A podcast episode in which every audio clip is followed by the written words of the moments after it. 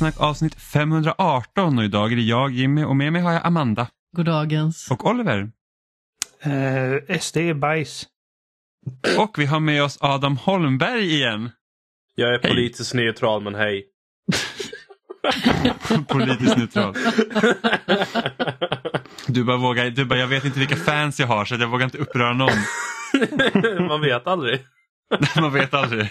Det kanske självaste Jimmy Åkesson sitter där och bara Adam, jag ja, trodde alltså, bättre om dig. Han lyssnar in och bara Åh, nu är han här igen, fan vad bra. Jimmy Åkessons favoritpodd. ja men han har ju nästan sin namne i, i, i ledarstolen här. är det så, är det så, du, är det så du, du ser det? Du, ja, att, att du har ledarstolen? Ja men alltså det är jag som leder programmet just nu i alla fall. ja, okay, ja. Så att jajamän. Ja. Och, och, och gillar du inte programmet Oliver så kan du vet var dörren är. Kan, kan åka hem. ja precis. Till ditt eget land. ja. ja, nej. Ja, men för, för er som har varit med och lyssnat nu då så att ni kan ju förstå vad vi ska göra idag eftersom Adam är med. Vi ska ju prata om eh, hur det har gått i Fantasy Critic-ligan helt enkelt. Uh, för det har ju hänt en del grejer. Faktiskt. Mm. Ja, lite grann. Mm. Ja, vi kan egentligen börja där, tänker jag, nu när jag ändå körde in oss på det spåret. Uh, det tycker jag låter som en lysande idé. Vänligen fortsätt. Ja, vad bra Amanda, att jag har ditt, eh, din approval så att säga. Ja, annars hade vi inte kunnat gå vidare. Nej, precis. jag lägger ner den här podden nu. ja, exakt. Det får bara vara jag kvar nu. Mannen med ledarstolen och inga eh, med eh, programledare. Jag trodde du skulle säga undersåtar. ja, det hade man ju kunnat tro. Jag ska säga. Eh, nej, men som sagt, och för er som inte vet och som kanske har det här som, eh, jag vet inte, det kanske första gången ni lyssnar på Spelsnack, så att eh, i år så började vi köra Fantasy Critic League Eh, där vi helt enkelt har skapat varsin utgivare och sen så har vi budat och förvärvat spel då som vi tror kommer att få bäst betyg under året helt enkelt. Eh, och det vi gjorde då i början av januari var att vi draftade, vad, är det, vad var det, sex spel? Sju. Sju spel. Eh, ja, vi draftade dem helt enkelt så att de hör till oss lag. Och sen så har vi också en budget på 100 dollar som vi får använda under året för att kunna buda på fler spel och totalt så tror jag det var 18 spel vi ska ha i vårt stall. Helt enkelt. Eh, och sen så kan man också counterpicka varandras spel ifall man tror att ja, men där är någon som har budat på ett spel som de inte tror kommer gå bra och så kan man samla poäng på det sättet. Ska vi bara ta en resumé på vad vi har, alltså vad vi hade när vi var klara med första draften och våra counterpicks? Yes, det, precis det var det jag tänkte. Uh, så att vi har då... Ska vi... alla läsa upp sin kanske? Uh, nej men jag tänkte jag läser upp dem för att jag, jag kommer också ihåg, jag kommer ihåg vilka dina original var. Jag har det här. Ja. Uh, men vi kan ju börja då med, jag, jag kör listan igenom här, vi kan börja med Pappa Snusk förlag AB som är Olivers. Det är Olivers, ja. Eh, jag gillar att du ändå tvekade. Ja, men ni är lite snuskiga hela bunten så att man måste säga att vilket snusk är det vi pratar om? Eh, Oliver, har du upp din lista eller vill du att jag läser åt dig? Eh, ja, den är uppe här. Eh, yes, så vilka spel draftar du i januari? Ja, initialt draftade jag Elden Ring, Shadow of the Earth Tree, Senua Saga, Hellblade 2, eh, Metroid Prime 4, Tekken 8, Star Wars Outlaws, Metal Gear Solid Delta, Snake Eater och Death Stranding 2. Yes. Eh, bra. Och då har vi Gimme Money Corporation som är Adams eh, utgivare. Ja. Vilka spel draftade du? Jag tog Homeworld 3, Phantom Fury, Star Wars Dark Forces Remaster, eh, No Rest for the Wicked, Black Myth Wukong, Microsoft Flight Simulator 2024 och Avowed. Yes. Och sen har vi Under all kritik AB som är Amandas utgivare. Vilka spel draftade du? Jag draftade Like a Dragon Infinite Wealth, Hades 2, Earthblade, Prince of Persia The Lost Crown, Frostpunk 2, Rise of the Ronin och Lorelei and the Laser Eyes. Yes, och sen har vi Space Hat Incorporated som är då min utgivare. Och jag draftade Final Fantasy 7 Rebirth, Hollow Knight Silksong, Persona 3 Reload, The Plucky Squire, Dragon's Dogma 2, Silent Hill 2 Remake eh, och Paper Mario The Thousand Year Door.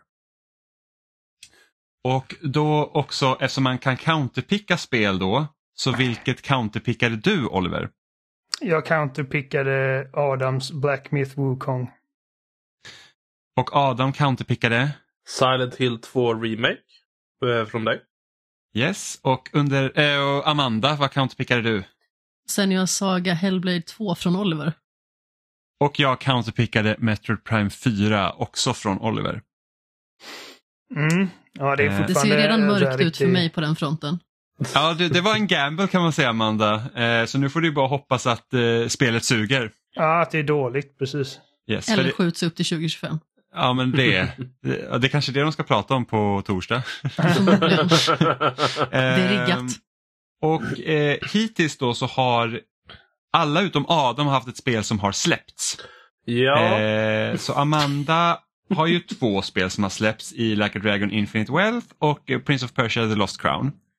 Eh, Oliver har Tecken 8 som har släppts och jag har Persona 3 Reload. Och med den vetskapen så är ställningarna just nu där Amanda ligger i topp med 36,88 poäng Mm. följt av Oliver på 20,04 och sen har vi då jag på 19,09 och eftersom Adam inte haft enda spel släppt sen så har han fortfarande noll poäng.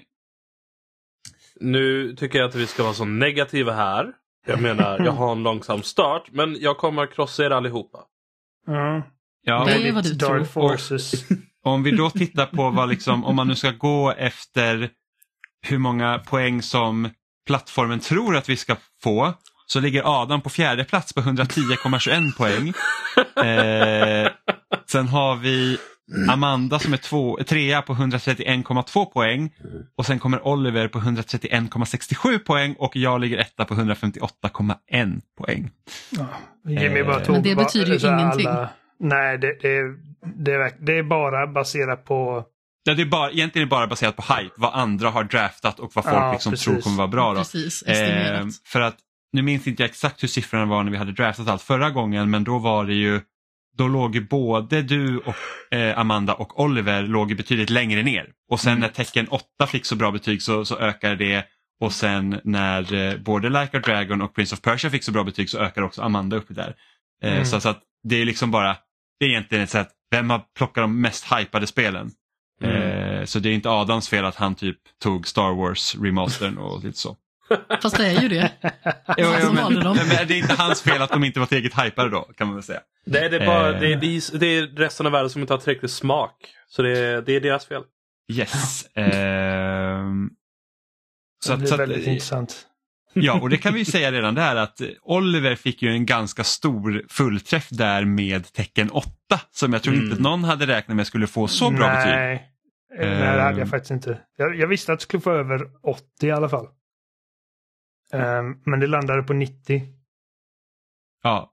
Och sen har vi då Amanda som tog både Prince of Persia och Like a, like a Dragon. Jag tror Like a Dragon fick nog också mer poäng än vad jag hade trott i alla fall. Ja. eh, Like, like a Dragon Yakuza-spelen har alltid varit omtyckta men det här verkar liksom slagit uh, ordentligt. Det är seriens försäljningsrekord på Steam, så som jag förstår det. Men det Eh, känns som att föregående spel i grundserien egentligen startade det där. Att det liksom blev en serie som betydligt många fler tog sig an, trots att det liksom var ett nytt koncept. Mm. Och sen så kom liksom den här lilla mellandelen Kiryu och sedan Infinite Wealth där de liksom slog ihop båda. Jag tror liksom att oavsett om man är ny till serien eller en veteran så känns det Mm. som att det har byggts upp liksom väldigt mycket hype kring det. Mm.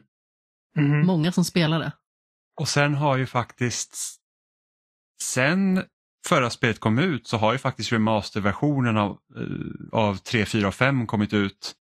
Eh, och, och Xbox har fått alla spel så det har varit mycket snack om Yakuza-spelen överlag. Så att det har liksom varit en ganska Alltså det har inte varit någon liksom raket så utan jag, jag tror det liksom bara funnits liksom i medvetandet hos många och man har en ganska stark fanbase som, som liksom verkligen höjer den här serien och sen har fler kunnat ha möjlighet att testa. Många av spelen släpptes ju bara i Japan från början.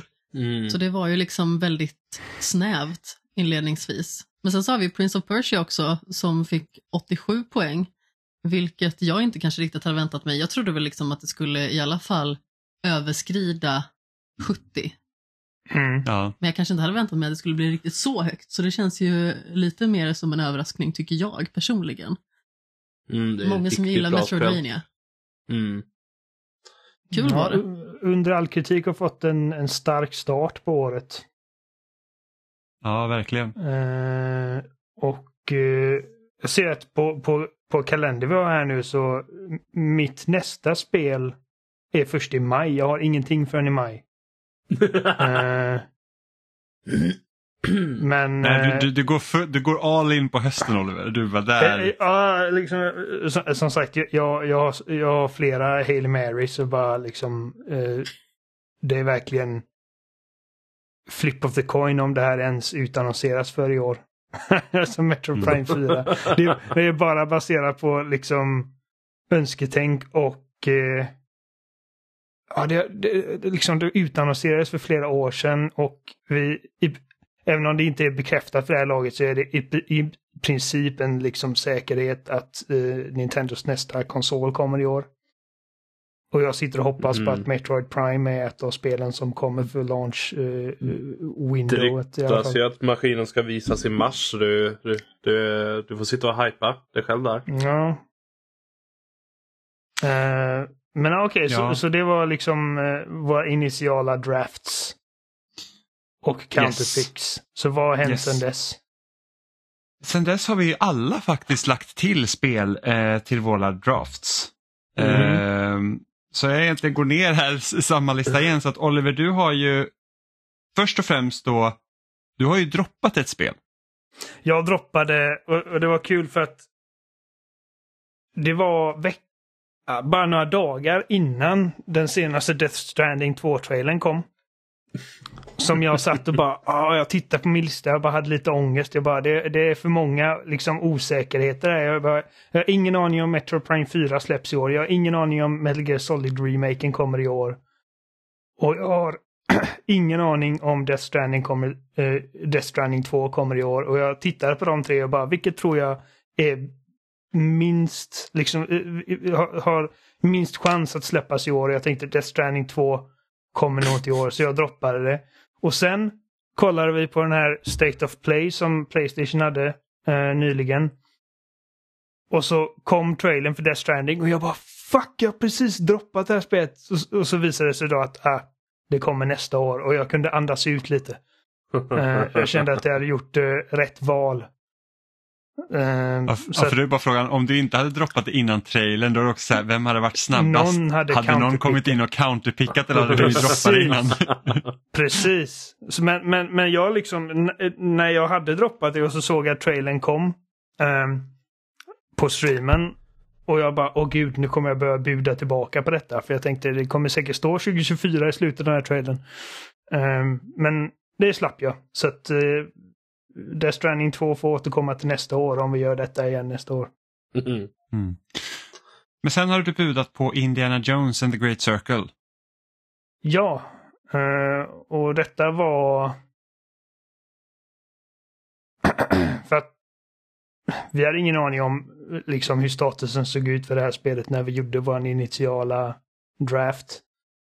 Eh, utan det var när det liksom, jag tror Microsoft hade nog officiellt utannonserat att de kom, skulle ha någon grej och det liksom snackades om att det skulle dyka upp där. Så jag gick in innan för jag visste att när trailern kommer ut så kommer folk liksom, ja, ah, det här ser spännande ut. Så jag, jag gjorde en chansning och draftade och budade på det ehm, innan dess, veckan innan. Och jag kommer inte ihåg vad jag la.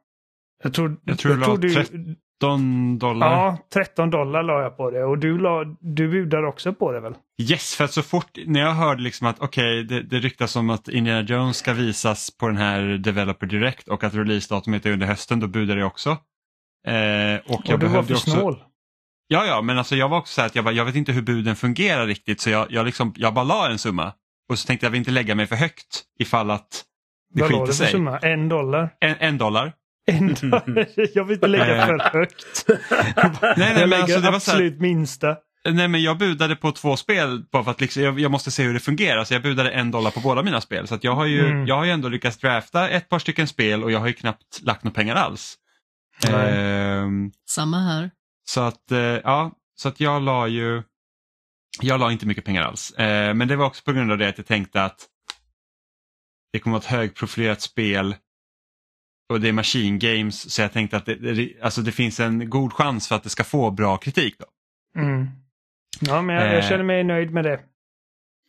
Ja, men sen budade du också på Visions of Mana och här får jag lite huvudbry för jag förstår liksom inte riktigt varför. Jag, jag, jag såg det också. Jag bara, Visions of Mana är det minst Oliver-spelet som antagligen finns på planeten. Ja, för jag trodde att det var Amanda som skulle buda på det först. Är det hade liksom är- känts som att, ja. Alltså Pappa Snusk förlag AB, vi, vi strävar efter mångfald i våran portfolio. Eh, ja. Vi vill inte vara liksom den utgivaren som bara är känd för liksom eh, one trick pony utan vi vill liksom eh, vi vill Röra om i grytan ut lite. lite. Precis, jag ser någonting och jag bara det här ser ut som horse shit liksom. Men det, alltså Mana-serien är ju alltså i princip legendarisk. Ehm, jag tycker man hör jämt om folk som säger åh, Secret of Mana, bla bla, ett av tidernas bästa rollspel. Så ja, och hur jag många då- fler Mana-spel har du hört liksom Ja, att det är så här, ingenting. det bästa? Men jag Nej. visste, jag visste inte hur många spel det fanns i den här serien. Jag Nej, kollade du och upp jag det efter att jag hade budat. Ja, det, alltså du och jag tittade ju på Playstation-showen och så nämnde de ungefär hur många Mana-spel och längre serien finns. Och du och jag bara satt och bara Wait, hur många var det? Ja, Liksom ja, ja, jag, jag blev chockad och, och som sagt, då hade jag redan lagt mitt bud. Men eh, jag såg att det finns massa spel i den här serien och det är inte alltid att de får så bra betyg. Så. Men eh, jag, jag, jag, jag hoppas, jag hoppas, alltså, även om jag inte kommer spela detta, eh, för att det ser verkligen inte ut att vara min grej. Ja, men nu, får du, nu när du har draftat det och har det som en utgivare så får du i alla fall testa när det kommer till Game... Nej, just det, det var Sony-grej. Jag tänkte att jag fan, Nej, det fick för att det var, skulle komma till det var Game på Pass. Xbox. Jo, det var på Xbox. Ja, men det kommer väl säkert till Game Pass. Då Jag vet inte om det med kommer på Game Pass. Det kommer jag inte ihåg ifall de sa eller inte. Men... vet ju inte som Game Pass finns kvar då. Eh, nej, men så, så jag, jag tänkte att ja, men det här ser ut som någonting som sådana liksom weebs hade gillat. Och det finns många weebs. Um, förhoppningsvis är det för de som recenserar detta är sådana som gillar den här typen av liksom eh, bara obegripligt. Mm. För personligen så tycker inte jag att det ser något speciellt ut. Inte jag heller. Men jag tycker inte att, jag, menar, alltså jag tycker Xenoblade Chronicles ser ut som absolut avföring också så vad, jag vet inte. Liksom, alltså, Ja, men det är ju... Det När kommer till- Pappa Snusk förlag kanske inte får någon så här 2023 eller 2025 deal här för att det kanske blir konkurs. vi får se. Ja, men jag, jag kan inte särskilja på vad som gör ett bra JRPG och vad som är ett dåligt JRPG. De ser exakt likadana ut för mig. Eh, lite rasistiskt att säga kanske.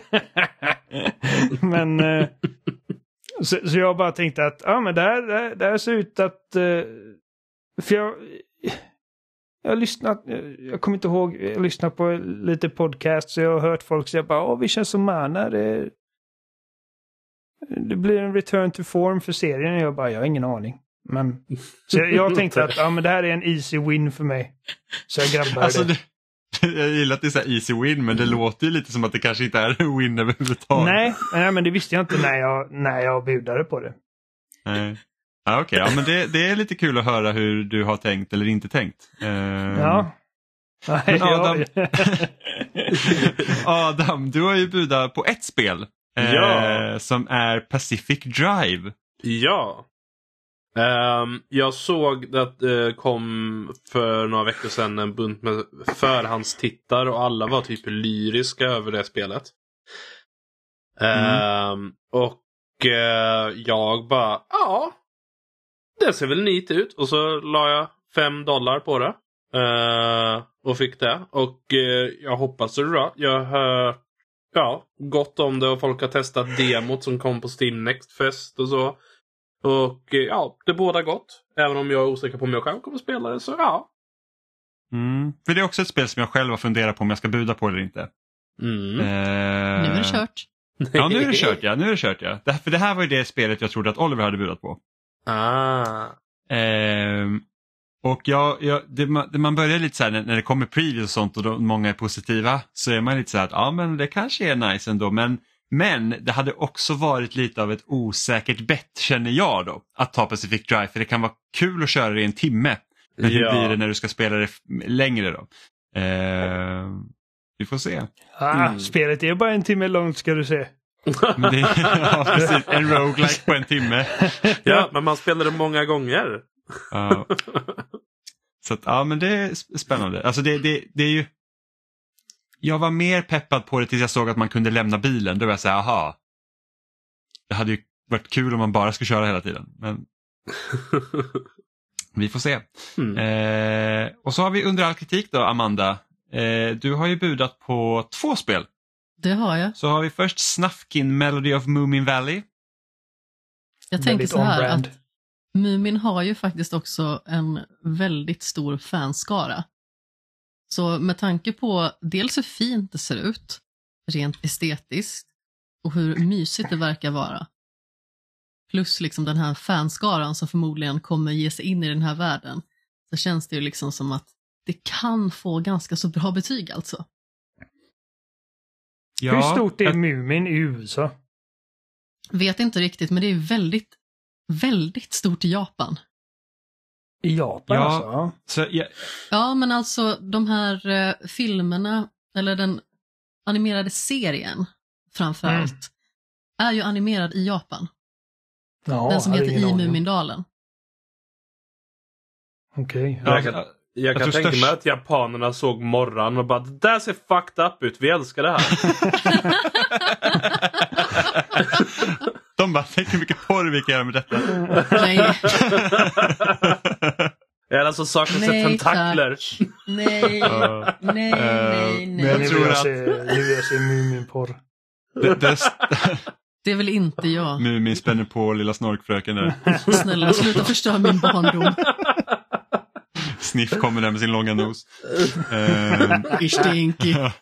ja, precis. De har ju Ja. stinker liksom. Det är bara only anal. Ehm, eh, den största risken för Försökte du tror jag... dränka mig i Pepsi Max också? Jag tycker också att det här ser väldigt bra ut. Jag tror största risken för Snufkin är att det inte får tillräckligt med recensioner för att komma in på Open Critic. Det är mycket möjligt. Det- och att det- kanske liksom inte få tillräckligt med synlighet. Men det är ett spel som är ganska så roligt på det sättet att det har liksom en grund i det finska.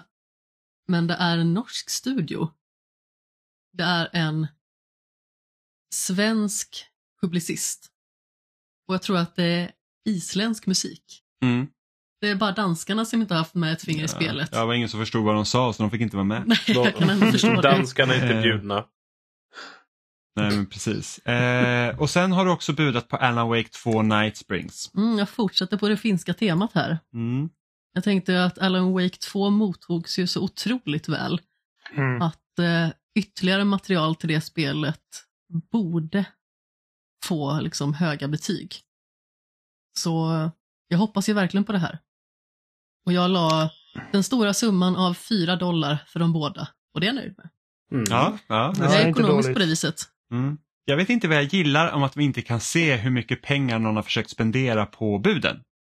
För att det blir Mm. liksom lite så här att jag förstår att det finns en grej att säga, okej men då kan man inte säga att jag sitter på massa pengar och sen kan jag bara buda över eller liksom att man hela tiden kan vara konservativ med sina pengar. För till exempel när väl ett 3D Super Mario visas då är det så här att okej men hur mycket pengar ska man lägga på det här? Och då kan det ju finnas lite spänning då att inte veta hur mycket någon har lagt. Och då får man liksom avväga också, okej men hur mycket måste jag lägga för att ro hem det då? Ehm, jag tror det finns säkert inställningar att man kan göra budgivningen öppen men eh, det får bli till nästa år i så fall. Eh, och jag har ju budat hem tre spel eh, sen början. Så det första är Path of Exile 2. Den hagalne slår till. Ja men precis. Eh, och det här var ju ett spel som jag tänkte redan drafta när vi satt och, och, och, och, och gjorde de första men så valde jag Paper Mario istället. För jag tänkte att större risk att någon av er skulle buda Paper Mario och den enda jag tror skulle buda på Path of Exile skulle vara du Adam. Eh, Ja, och jag kan säga att jag har noll koll på Path of Exile. Jag kan säga att det här är du fel Jimmy. För det var jag som tänkte buda på det. Så du tänkte buda på det? Mhm. Eh, tur att du inte gjorde det då, för jag fick hem det för en dollar. Eh, Ja, det var lite obehagligt faktiskt. ja, jag uppskattade inte. Jag har hört liksom att, och det är inte säkert att det här släpps i år ens, men jag har hört liksom att, att Path of Exile är liksom, det tar lite av de delarna som man var besviken över i Diablo 4 och gör det bättre. Och jag tänker att man kanske har kommit till en punkt där folk är trötta på Diablo 4 och så kommer liksom nästa Diablo-liknande spel och slår högt. Ehm, så jag hoppas ju på att det är en stor hit. Ja, enkelt. första Path of Exile har ju ett väldigt stort följe vill jag minnas. Ja, och det har varit lite av en sleeper-hit för det är liksom inte så mycket som pratar om det så, men alla som har spelat det säger att det är väldigt bra. Eh, och tvåan liksom ska förbättra massa saker. Eh, så jag hoppas att det blir bra. Eh, sen är det andra spelet som jag budar på är Unicorn Overlord. Som är strategirollspel typ i stil med, ja, med Fire Emblem och, och ja, Fire Emblem helt enkelt. eh, som är Ska jag bara se vilka som det utvecklar. Det är eh, Vanillaware som har gjort det, som har gjort eh, Dragons Crown och de spelen. Eh, 13 Sentinels Aegis Rim. ja, precis. Och det spelet har ju verkligen varit liksom så här att folk älskar det spelet. Eh, även om det liksom inte kanske slog så brett eh, som liksom ja, andra storspel till exempel. Jag har det i mitt bibliotek på Playstation. I och med att jag har liksom den här mellannivån på Playstation så finns det ganska så många stora titlar som man är ganska så sugen på att testa. Och det var verkligen ett sånt spel, för jag har bara hört gott om det.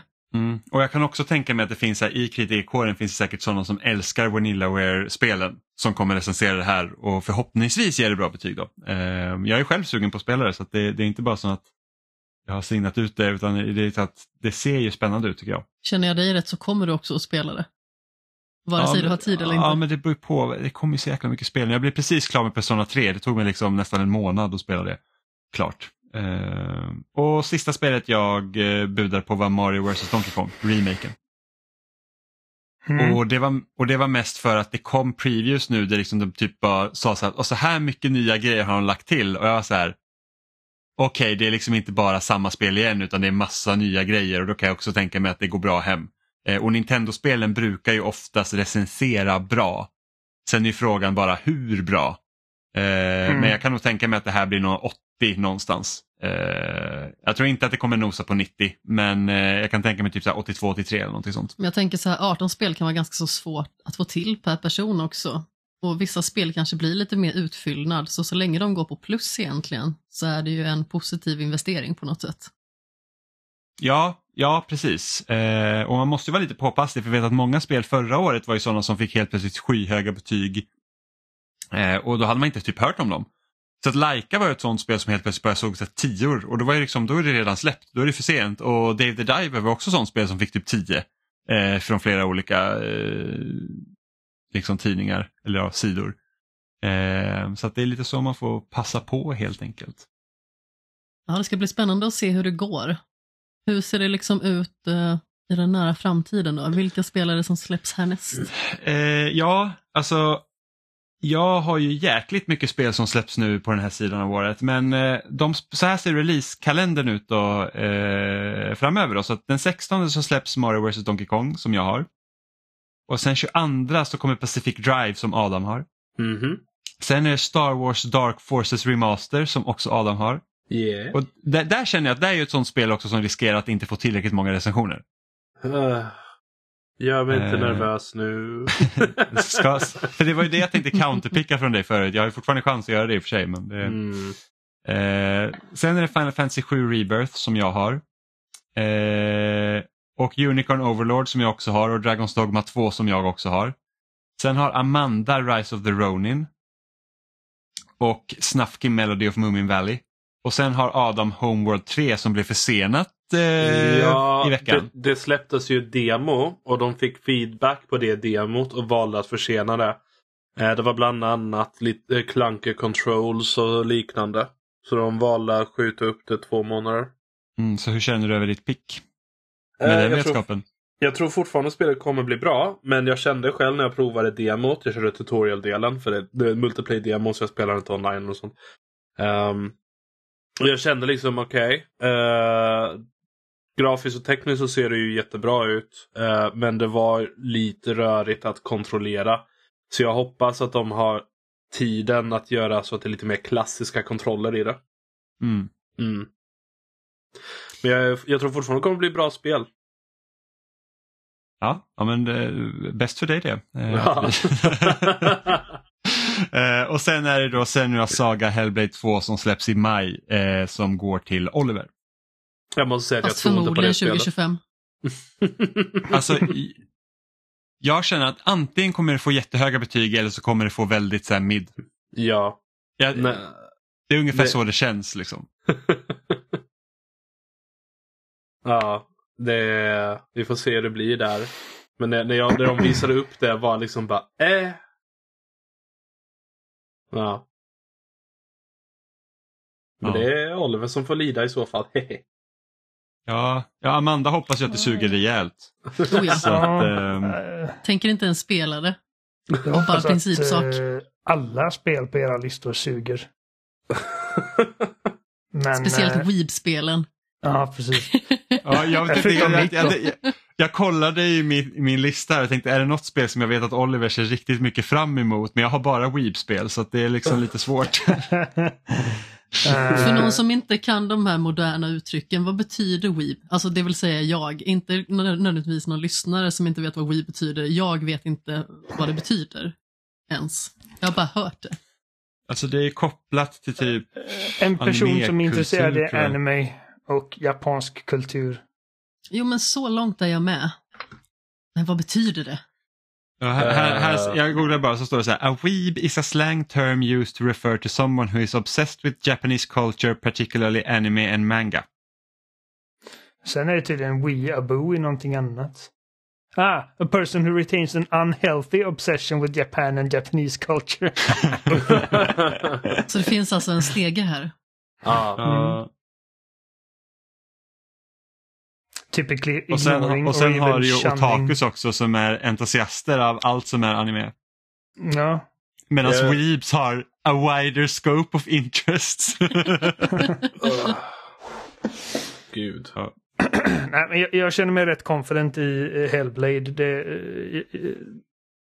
det, det är på andra ställen jag är lite nervös. Jag menar Elden Ring, Shadow of the Earth, det kommer ju förmodligen tas emot väl, men vi vet fortfarande inte när det släpps. Alltså det måste, de kan ju inte vänta mer än två år. eh, på att släppa DLC till spelet tänker jag. Eh, Jag tycker det och det, var därför jag draftade det. Ja. Ja, vad fan, Eh. det var ju någon typ så här Dragon Ball Xenoverse 2 som fick DLC så sent som förra året och det är jättegammalt. Jo, ja. Ja, det hör ju inte till vanligheterna såklart, men det är inte omöjligt. Nej. Sant. Är- Och sen, och sen, eh, sen är jag liksom, när det kommer till Star Wars Outlaws vet jag inte, alltså det, det, de har ju sagt att det ska släppas i, i höst men det, sånt kan ju ändras, det kan ju skjutas. Och det behöver också Ubisoft inte kan vara ju ett... få panik med hur eh, deras senaste spel har sett ut och vilja göra ändringar och sånt. Ja, jag vet inte. Uh, är, det, är, det, Snake. Ja. Mm. är det något spel som ni har tänkt buda på som har släppts som ni var så här, oh vilken tur Uff, att jag inte budar på det eller åh vad Inte synd att ännu. jag inte budade på det. Nej, inte ännu. Eh, faktiskt. Det har, det har varit hyfsat lugnt de första månaderna skulle jag säga. Amanda, Nej, jag har faktiskt ingenting i åtanke där. okej, jag har det. Jag tänkte buda på Foam Stars. Just Jaha. det, Tänkte du du sa det buda här på om dagen. Foam Stars? Yes, för att eh, det, jag kommer ihåg snacket kring inte E3 förra året var liksom så här typ att ah, Foam Stars var typ mitt Game of Show eller Foam Stars var skitroligt. Eh, och även vissa sina previews innan var liksom att ah, Foam Stars är bra och jag har hört folk som snackar upp Foam Stars att det liksom ska vara riktigt kul. Och jag tänkte så här att hmm, ska jag våga buda på Foam Stars eller inte? Och det var en jävla tur att jag inte gjorde det för det har inte fått jättebra kritik. Det ligger på 5 och 6. Ja. 65% top critic average. Nej, 62%. Ja, så då hade jag ju fått en massa minus. Eh, och, så Skulle det, kul det se vem, vem, som, vem som är den första att få minus. Jag chansar Ja. på att det är jag. Bara för att. ja, eftersom ingen av er ville buda på uh, Suicide Squad. Åh gud. Har det ens börjat komma riktiga recensionssiffror än? För att ja, ingen kunde ju spela förrän det släpptes. Vi ska se, jag ska se vad det, om det finns på Open Critic än. Jävlar den här skärmen alltså. Suicide Squad låg Det ligger inte på på, min radar. 60. Ja, gud. Och det är tydligen fler på Steam som spelar um, this, eh, Arkham Knight än Suicide Squad på, eh, just nu. Läser jag någon nyhet om. Ja, men det är så här att jag är väldigt nyfiken på berättelsen i det spelet faktiskt. Jag kan tänka mig att det här är ett spel som kommer bli relativt billigt. Jag jag säger så här, min butik, vi fick in 17 exemplar av Suicide Squad till Playstation 5. Senast jag kollade, några dagar efter släpp, så hade vi inte sålt ett enda fysiskt exemplar av det. Åh, herregud. Så jag kan tänka mig att det inom några månader kommer vara att det kommer gå till typ halva priset. Alltså Eh, när det är typ sånt under fysiskt. 200 spänn så, så borde vi fyra bara köra igenom det. Fast det under 200 spänn, det är så dyrt att det kommer dröja så länge innan det sjunker så mycket. Ja, men alltså, men alltså, jag tänker mig så här att om typ några år så kommer det vara nere i Anthem-priset på typ 9 spänn när det är rea på Xbox. Då slår vi till. Det, så att, och, och det var inte så långt heller. Du kunde liksom springa igenom det på 10 timmar och det var bra. Då kan man skippa massa bullshit också som man inte vill göra. Mm. Eh, men ja, ja det, det, är ju, det är väldigt tråkigt att Rocksteady fick, eller att Rocksteady har spenderat så mycket tid på det spelet. Ja, det. I en genre som har i princip varit dödsdömd i flera år redan. Ja, alltså det jag eh, är mest rädd för är att det kommer gå ut över studion Rocksteady, att de kommer bli straffade över Warner Brothers beslut här. Det, det, uff. Jag kan se rubrikerna Suicide Squad killed Rocksteady Studios. Ja. Ja. Ja, är det är väldigt tråkigt. Sen så, sen så kan jag tycka att det är lite tråkigt att, att de flesta som säger sig att Rocksteady borde arbeta på insert superhero game here eh, istället för att man tänker att de kanske kan göra något annat med en single player. Insert Batman. Ja. ja, alltså jag hade ju hellre sett att de hade gjort typ ett eget IP efter Batman istället för att göra det här. Ja, men, Ja. Alltså, o- om det nu är så att de, är, att de måste göra Warner Brothers IPn för resten av eh, Eternity så är det liksom där- eh, Suicide Squad borde varit långt ner på listan över potentiella eh, projekt.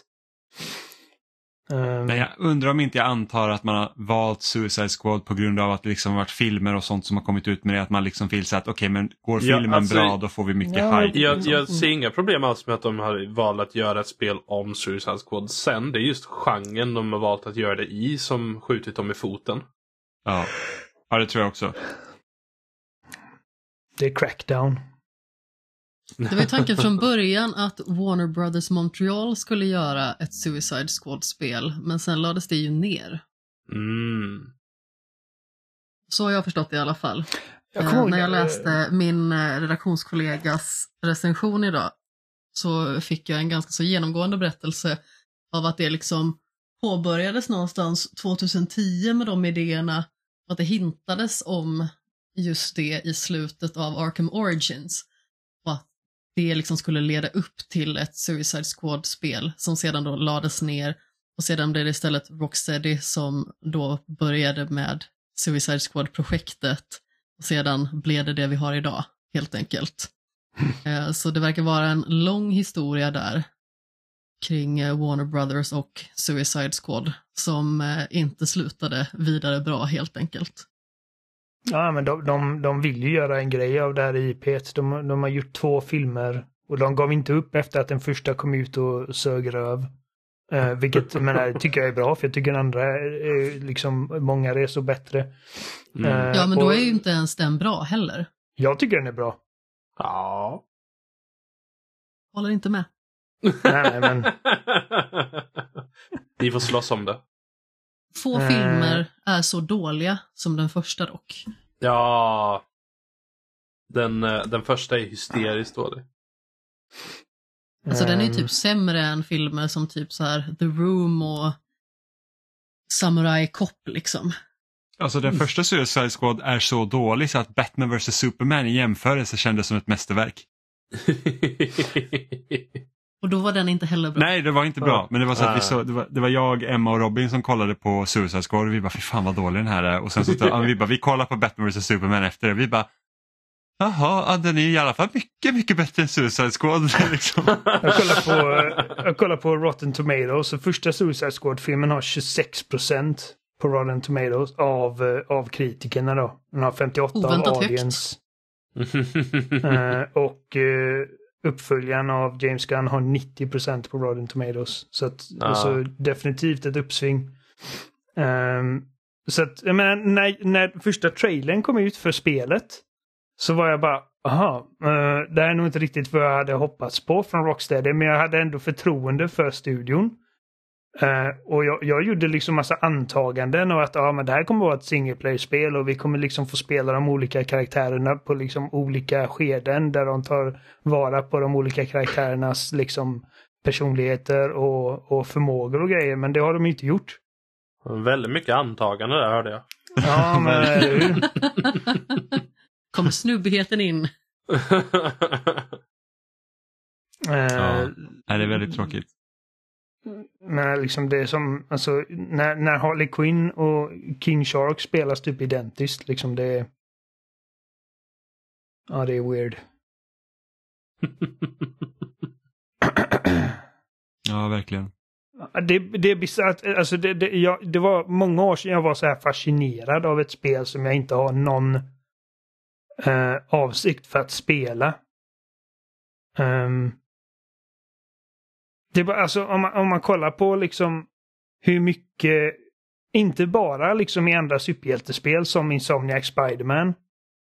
Utan så många andra typer av spel också, liksom i action-äventyrsgenren som har så mycket att tacka eh, Rocksteady och Arkham, Arkham Asylum för liksom vad de startade då 2009.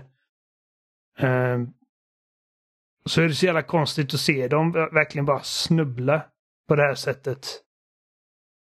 Mm. Och efter så lång tid dessutom. Det är det som också är så att Ja, det här är första Rocksteady-spelet på nio år och det är liksom Jaha, och när kommer du få se nästa Rocksteady-spel? Om ett- decennium?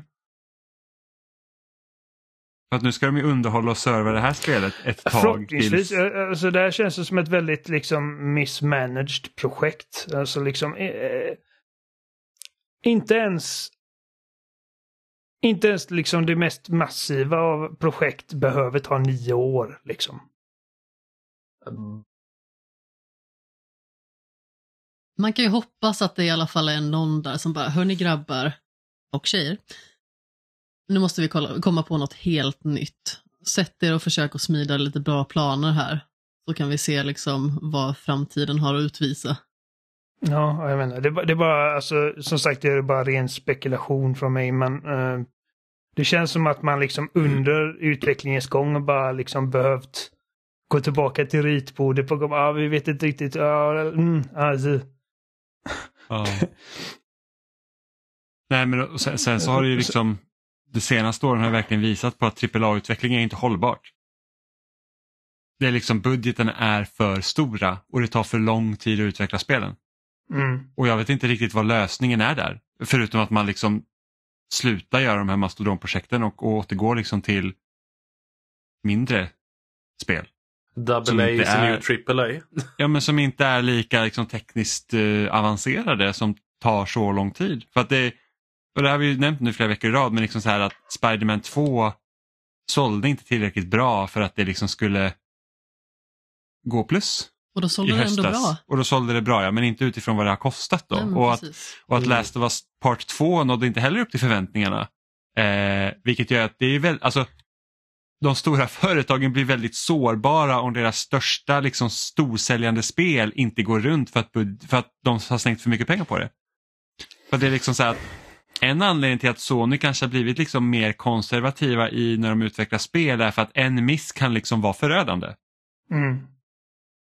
Liksom, säg att nästa Naughty Dog-spel kommer ut och sen så bara oj det här var inte bra, det får sexor och grejer och, och försäljningen bara så här, då är det ju liksom ja, det, är, det, är, det är liksom fruktansvärt. Um, så att jag, jag vet inte liksom hur man ska lösa det.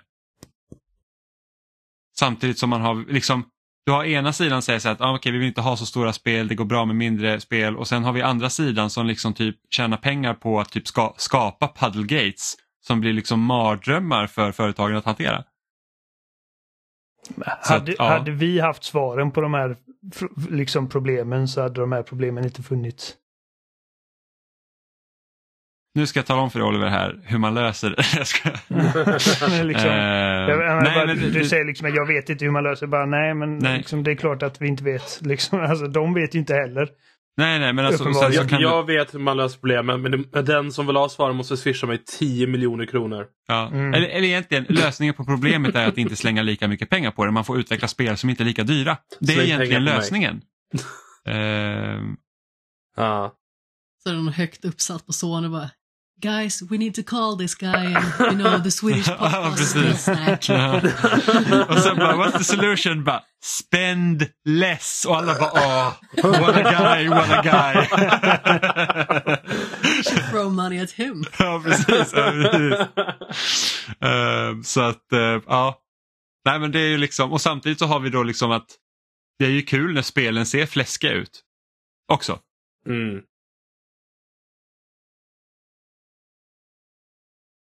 Så ja, nej jag vet inte.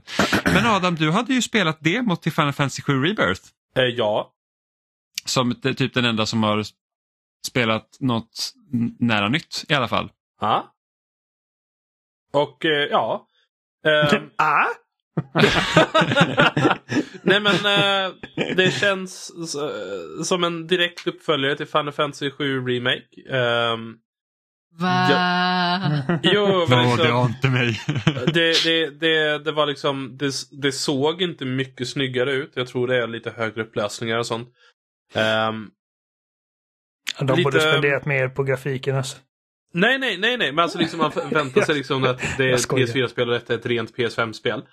Uh, demot utspelar sig typ uh, det tillbakablick till ehm, ja, Clouds och Sephiroths ehm, historia där deras första uppdrag när, sen när Sephiroth eh, kanske blir lite stygg och elak. Typ. Sephiroth blir lite stygg. Dog. Du vet, man, råkar, man har en dålig dag, gör folkmord, lite sånt. Ehm, Mm. Ja. Så det är typ den delen. Det är nog typ två timmar, två och en halv timme tror jag det tog för mig att spela ut det. Ehm, och systemen är hyfsat liknande. Uh, man samlar Märkte materia på samma skillnad? sätt. Liksom i hur det Ehm, spelas. Det är lite mer traversal. Lite, eh, typ, eh, man har lite fler objekt till exempel man kan volta över och liknande. Eh, den delen är hyfsat linjär. Det är inte en av de här öppna delarna av världen som de visat och pratat om eh, eh, nyligen. Eh, för de kommer ju öppna upp mycket mer eh, med uppföljaren. Men eh, Ja, alltså det, det känns som att de kommer ha mer utforskande och traversal överlag. Men annars, det, det så de visar i spelet känns väldigt mycket fortfarande som eh, remake-spelet fast med nya settings och lite nya karaktärer och sånt runt omkring. Typ. Ehm, så man vill få mer känsla över åh, det, vad är det som är nytt så får man inte jättemycket från det demot skulle jag säga. Det var Mm. det jag spelade där och det jag tror jag det var nog bara det segmentet. Ja. Mm. Så om man tyckte om Remake lär man tycka om Rebirth. Känns det som än så länge. Har du spelat originalet Adam? Eh, inte hela. Jag har spelat typ Midgard-delen. Eh, Okej, du bara... Ja, det- räckte för remake så det är precis det jag tänker röra av eh, originalet. Fast det är där de flesta brukar ge upp någonstans för att Midgård är så himla långt i originalspelet. ja. Fast Midgard är väl inte så långt i originalspelet, eller? Fast det är ganska så långt Det och är väl ganska typ så fyra timmar eller tungrot och jag tror att det är liksom lite grann en tröskel man måste ta sig över för många. Ja, jag, jag kom aldrig riktigt över den tröskeln. Jag, tyck, jag tyckte om det jag spelade, jag tyckte om musiken väldigt mycket och sånt. Men samtidigt liksom, ah, det är en liten lågbudget chibi-figur som springer runt. Ehm, Jag älskade Midgard-delen i originalet, jag tyckte det var awesome. och- men jag spelade inte heller när det var nytt. Uh, Nej, men det gjorde inte jag heller. ah. Nej. Uh, så, jag, så jag vet inte, jag, jag tror jag spelade fel tidpunkt i livet. Plus jag, Mm. jag köpte det till typ Playstation Vita och då var det Playstation 1-versionen. Man var Ah, Okej, okej, okej. Jag förstår vart problemet hamnar här. Ja. Laddningstiderna måste ju ha varit horrendous. De var inte jättebra. Plus att i Playstation Vita-versionen då är det emulerat med skivorna. Så man eh, går in i en meny på Playstation Vita för att växla skivor och sånt. Uh, alltså att jag, jag spelade i Final Fantasy 6 på vitan. Ah. Eh, och då var det också eh, Playstation 1-versionen så då var ju alla liksom laddningstider också simulerade. Och det var liksom, varje Ah. strid var ju liksom, alltså det tog ju flera, säkert en halv minut att komma in i en strid. ah. Så jag var typ på någon så här, ja men nästan Tower Defense liknande grej där det liksom kommer upp fiender för en kulle och man måste slåss ganska, mot ganska många. Eh, och, och, det var liksom att, och så dör man och så måste man göra om allt för att det här tar för lång tid att ladda de här jävla striderna så det, det, det går inte. Mm. Nej men eh, ja, så den versionen var inte superbra. Em- Emulationen på Playstation Vita är jättebra. Men det är inte direkt världens bästa sätt att hoppa in i ett gammalt spel på heller. Nej. Eh, jag, jag har ingen aning om hur Playstation 4-versionen är. Eh, De är, de, de är jättebra. Jag spelat på Xbox, ja det var Xbox One då ju. Ah, ah. Eh, men då har du också så att du kan slå på oändligt med en sån här limit break och du kan också snabbspola spelet så att det liksom allt går mycket fortare också om du vill. Ah. Eh, så att, så att det under, och du kan också så här slå av strider och sånt så att ifall är så att nej men, så nu orkar inte jag med de här slumpgenererade striderna så att jag behöver bara springa igenom den här delen. Då är det bara att slå av striderna och så springer man. Så att, Mm. ehm, det underlättade ju en hel del när jag Mm. spelade. Eh, jag tror jag får ge det också. chans någon gång. Ja. Jag, om- jag gav upp efter att jag hade kommit ut i Midgard. För helt, helt plötsligt så kände jag bara, ah, nu är jag på en jävla overworld-skärm. Och nu ska jag liksom typ utforska typ en stor öppen... Jag bara jag orkar inte. Midgard funkade bra för mig. Oliver, jag har en viktig fråga. Ja. Vem är din waifu? Är du team uh, Tifa eller team? Barrett. Barrett är Kom min waifu. Omfamna din inre weeb. Jag vill, eh, jag vill klämma på Vilken hans body pecs. pillow kommer du skaffa? Eh, jag föredrar att spela Tifa framför Aerith. Om det, jo. om det duger som svar. Mm. Tifa var ju skitkul att spela i Remake. Ja. Ja, hon, hon Alltså man kunde verkligen få bra och och- feta kombos. Aerith var bra på en boss som man behövde magi på så kunde man bara stå liksom typ på håll och bara blästa den. Då ja. var den skitlätt. Hon är bra att ha partyt men hon är inte nödvändigtvis den roligaste att spela som. Liksom att ha kontroll över. Ehm, Nej. Men men, jag, jag vägrar besvara din fråga av princip. Fegis. Du är feg. jag tycker... Men vem har du valt själv då Adam? Jag är Ja? Aerith. Ja, okej. För hon ser ut som hon kan bryta min rygg på åtta ställen med ett slag som Tifa om man gör en arg. Nej. Jag gillar att din förutsättning är att du också kommer göra henne arg och, och få liksom ryggen bruten. Det är foregone conclusion. Jag vet hur det fungerar. Någonting kommer jag någon dag göra fel och då får jag lida för det. Jag känner Det inte... här låter lite som Jimmys resonemang till varför vi borde ha två barn och inte ett. Det är för att om deras föräldrar är dumma, då har de varandra och man bara, du vet att det är vi som är föräldrarna va? Ja men så här, det finns inte en enda familj där barnen inte har tyckt att ens föräldrar är dumma eller att något är orättvist och då kan de trösta varandra. Och då behöver det inte vara så att den enda källan av underhållning kommer från föräldrarna utan då- får de liksom ha varandra så får man också lite mer egen tid. Jag ser det lite som en försäkring också, liksom att... Visst, Ja, den kanske- ena, den kan- ena man- coola vippen så har vi i alla fall en kvar. Precis, Ja, man har en reserv.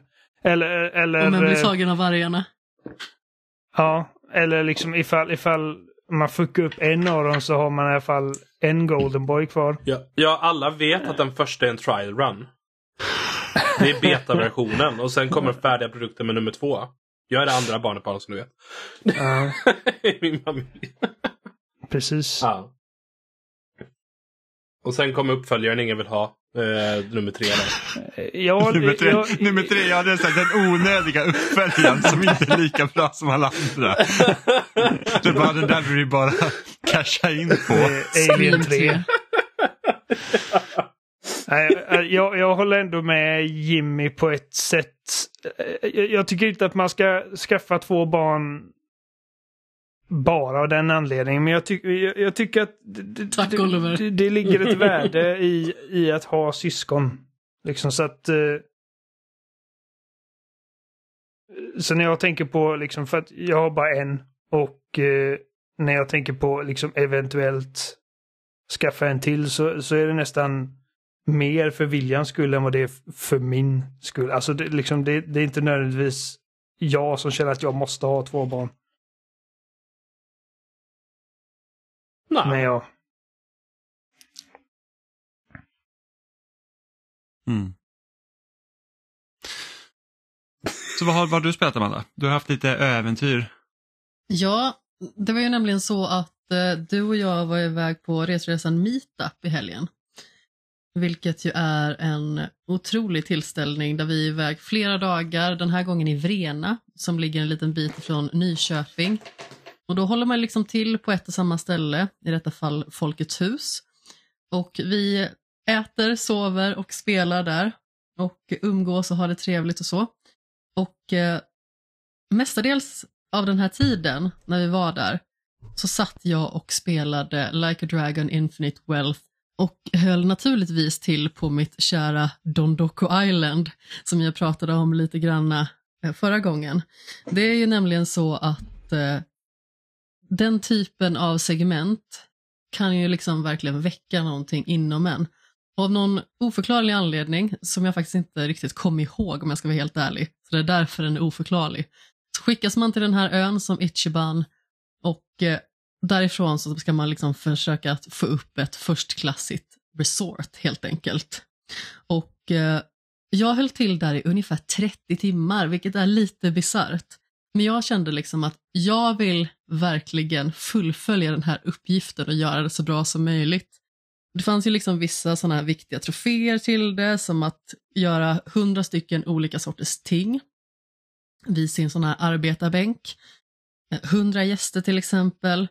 Och sen så har man ju naturligtvis ett form av stjärnsystem. Så ju fler stjärnor man får på det här hotellet eller den här ön, desto bättre blir det naturligtvis. Och kraven blir liksom också högre naturligtvis. Så inledningsvis så behöver man ju kanske bygga en del för att sälja, göra massa dagliga uppgifter för att det genererar ganska så mycket pengar. Så om jag har liksom en lista på sex stycken olika uppgifter så finns det liksom en summa knuten till varje en av dem. Så det är liksom väldigt värdefullt att liksom se till att man fångar de här fiskarna eller de här småkrypen eller att man liksom hugger x antal trä och sten av någon anledning med sitt eget baseballträ, vilket är otroligt bisarrt. Men hur som haver så är det liksom väldigt mycket resurssamlande, likt Animal Crossing, som då genererar att man kan bygga ihop fler saker för att helt enkelt kunna få mer pengar, att kunna nå de här olika typerna av mål. Och en stor del i det hela, det är liksom att börja att expandera det område som man kan bygga på. För i början så är det liksom väldigt lite yta som man har till sitt förfogande och sen så börjar man rensa ut olika områden från massa bråte. Och dessutom så kommer det inkräktare till ön som gör livet surt för en, naturligtvis, det vet ju alla. Och de måste man puckla på i vanlig ordning. Och då är det ju lite mer tillbaka till gamla Yakuza så att säga, fast man har det här baseballträt med sig. Och eh, när man har rälsat ut de här områdena, vilket man kan göra till viss del genom att då slå sönder massa sopsäckar till exempel och sånt som är i vägen. Eh, och ju mer man gör det, desto billigare blir det också att rensa rent själva ytan. Så det finns liksom en summa knutet till det och ibland också ett mål som då gör att man helt enkelt kan rensa ytan och få tillgång till den så att man kan placera hus där eller affärer eller olika typer av underhållning som kategoriseras på olika vis. Det kan vara poppigt, det kan vara sliskigt, det kan vara elegant, lite rustikt och så vidare. Eh, och jag försökte hålla någon form av bra balans där. Jag ville inte att sliskigheten skulle överskrida någonting annat. Det var liksom en viktig parameter för mig. Eh, så det blev ingen vuxenbutik. Eh, Ja. Det blev inget sånt här soapland. Och det blev inget kärlekshotell. Där gick min gräns. Vad fan är syftet Men, då? eh, Nej. Mm, till och med Nintendo äger kärlekshotell. Ja, men precis. Nej, men jag försökte hålla en bra balans där helt Och de är enkelt. familjevänliga. I början var det liksom mycket rustikt, just för att i början får man ju tillgång liksom till alltså, lite billigare saker, sånt som kanske inte kräver lika mycket resurser eller liknande. Och sen så byggs det här på, så man liksom får en större variation i sin portfolio helt enkelt. Genom att bygga hus och prydnader som man sätter ut på ön, då ökar nöjdheten och populariteten. Och eh, så även de här boningarna som man har till sina gäster. Så det finns liksom olika klasser på de här stugorna också. Så inledningsvis är det liksom mer eller mindre små festivaltält som ens gäster får bo i. Och när man liksom kommer upp till S-rank, eh, vilket jag hade då liksom på alla de här fem boningarna som man kan ha i slutändan, då är det liksom lite mer snofsiga villor. Så man måste liksom höja upp det här också för att folk ska trivas. Och slutmålet är helt enkelt att få ett femstjärnigt resort och göra sig av med piraterna för gott. Och sedan är berättelsen klar där. Men sen så finns det naturligtvis saker som är knutet till Sujimon, som är den här Pokémon-liknande grejen Ja. i Like a Dragon. Och eh, sedan så är det ju också en form av Dondoko Farm som man då kan ta sig till med en liten flotte för att se till sina Surgimons och se till att de gör olika uppgifter och det i sin tur kan också generera mycket för en själv som spelare. Det vill säga att de kan odla grödor, de kan plocka fram resurser, de kan tränas och de kan också se till att man liksom får kosing. Så det finns liksom så himla mycket att göra här. Och som sagt, jag höll till där ungefär 30 timmar och det kändes liksom som att eh, vänner och bekanta som gick förbi min skärm under helgens gång, de trodde nog liksom att jag hade tappat det och vissa förstod liksom inte ens att jag satt i Infinite Wealth. De tänkte bara, "Ah, vad spelar du för konstigt spel? Ehm, men det är naturligtvis lite on-brand också för den här serien, att det finns ganska mycket skumma saker helt ja, enkelt. gud ja. Men eh, som sagt, jag höll till där väldigt länge och eh, till slut kom jag ut därifrån med en ganska så stor summa på fickan ändå. För man kan liksom eh, växla då sina Don Doco Bucks, eller vad de nu heter, till dollar. Eller yen också naturligtvis. Men eh, jag skulle tillbaka till Hawaii, så det liksom var det som var lämpligast. Eh, och då fick man liksom ganska mycket pengar med sig, vilket var fördelaktigt för då kunde jag ju göra andra grejer där som var viktiga, till exempel att investera i workshopen, att eh, se till att uppgradera lite saker som eh, mina partymedlemmar behövde, till exempel med vapen och liknande. Så det var väldigt fördelaktigt på sätt och vis att vara där väldigt länge. Men jag inser också liksom att det är ett drag som kanske gör att man klassas lite som en person som är dum i huvudet. Nej. Men jag hade förlåt. roligt. Jag hade roligt. Hur har ditt Yakuza-spelande gått då, Oliver? Jag, jag har suttit och försökt grotta ner med business management minispelet de har. Ehm, Ja. För att som jag förstår det så är det typ det bästa sättet att tjäna bra med pengar för att fan vad dyra alla vapen är. Och det är Ehm. ju också en omfattande historia i det spelet. Och där kan man ju liksom nå en viss gräns där man kan gå vidare för man behöver en viss summa. Men sen så kan man ju också sitta kvar där länge om man blir riktigt inbiten. Ja, men alltså just nu så känner jag att jag, jag hade velat komma liksom till eh, plats nummer ett på den här aktiemarknaden eller vad det är de har. Ehm, jag vet inte. Men eller liksom- hur, man vill ju det. Ja, och sen, sen vet jag inte ifall jag kommer orka. Vi får se liksom eh, hur mycket det kommer kräva av mig. Ehm, men just nu ligger jag plats 83 eller något sånt där. Ehm, Mm. Alltså Och- det tar inte så lång tid. Ehm, jag vet att IGN har, har en rätt bra guide bara liksom för att man ska förstå vad det är man faktiskt gör. jag, För att det är lite onödigt komplicerat. jag kommer ihåg första gången jag försökte så savade jag. Och så körde jag typ en halvtimme, 40 minuter och bara gjorde massa dåliga beslut och plötsligt så var jag in the red och jag bara gud. så jag laddade om min sparfil och började om från början liksom och försökte vara mer um, lite smartare i min liksom placering för man har ju massa, man har ju olika, uh, ska man säga, vad kallas det på sen, anställda. Mm. Uh, som har olika, uh, ska man säga, stats. Och det, det är typ tre stats. Så det är eh, service, det är typ produktkunskap och så är det notability. Um, och jag förstod inte från början för att varje företag man äger kan man sätta tre anställda på och en är ledare och sen är det två andra. Och jag förstod inte att de slots nummer två och tre bara gav dig eh, en av de här statsen. Så jag fattar inte varför jag inte fick upp eh, liksom företagets eh, liksom olika mätare. Mm. Mm -hmm. um, så, liksom ja, det är väldigt knixigt där. Ja, så jag, jag har bättre koll på det nu och jag, och, och jag lyckades göra betydligt bättre ifrån mig efter att jag liksom laddade om den här sparfilen och hoppade in igen från början med den kunskapen. Um,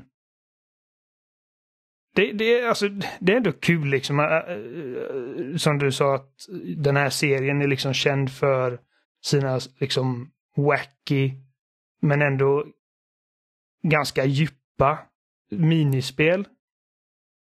Uh, och jag menar, alltså jag, jag i, i Yakuza Zero så alltså jag, jag satt ju, jag vet inte hur många timmar jag satt i det där, uh, vet du det, Hostess Management minispelet. Jag tyckte mm. det, blev, det blev liksom skitkul.